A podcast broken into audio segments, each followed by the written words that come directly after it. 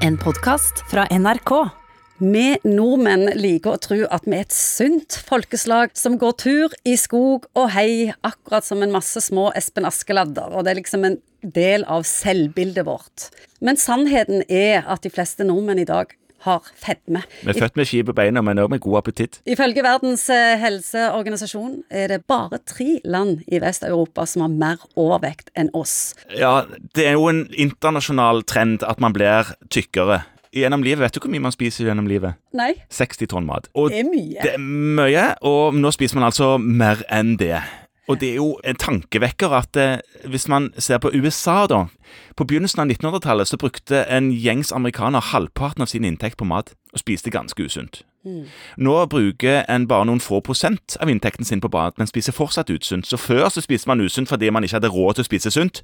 Nå spiser man usunt bare fordi man velger å spise usunt. Man spiser mer dritt enn man trengte å gjøre, og så er det sånn at man unner seg ting. Unner en seg en sjokoladekjeks i uken, så blir det en kilo på et år. Blir dette tatt alvorlig nok? Dette her er jo ikke overraskende for folk. Man vet jo at man bør holde seg eh, innenfor en viss grense, og at det er helserisiko forbundet med å bli for eh, omfangsrik rundt midjen og den typen ting. Det som er overraskende, er at man ikke lykkes i å begrense vektstigningen. Og det betyr nok at det kommer til å øke.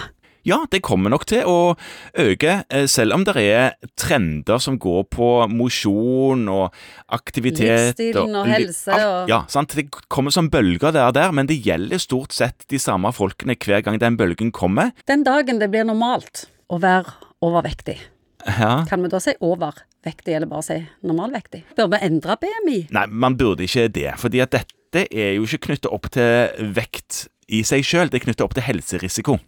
Så det samme helserisikoen vil jo foreligge. Det er ikke sånn at menneskekroppen blir innstilt på å ha et normalt blodtrykk når en er bælfeit, selv om alle er bælfeite. Jo, men eh, hvis vi skal ta realismen i det, så er jo ikke alle, så er jo ikke en million nordmenn bælfeite, de har overvekt. Og samtidig viser tallene at vi lever lenger og sterkere enn vi gjorde før. Ja, man lever lenger og sterkere enn man gjorde før. Man er blitt god på å forlenge livet, men en ble ikke så god på å forlenge livskvalitet.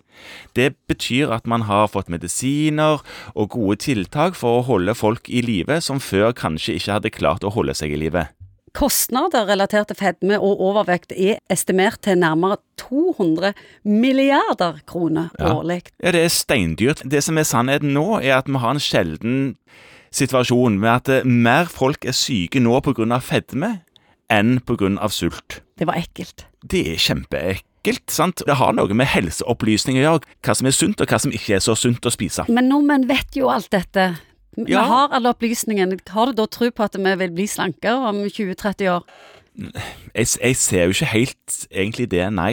Og dette er jo min Hva får det deg til å føle? Ja, altså, det er jo min store frustrasjon nesten hver dag på legekontoret, at folk Folk må bare begynne å gjøre det jeg sier, ikke nødvendigvis det jeg gjør. Det er jo alltid det en god teolog sier, du må gjøre det jeg sier, og ikke det jeg gjør. Du har hørt en podkast fra NRK. Hør flere podkaster og din NRK-kanal i appen NRK Radio.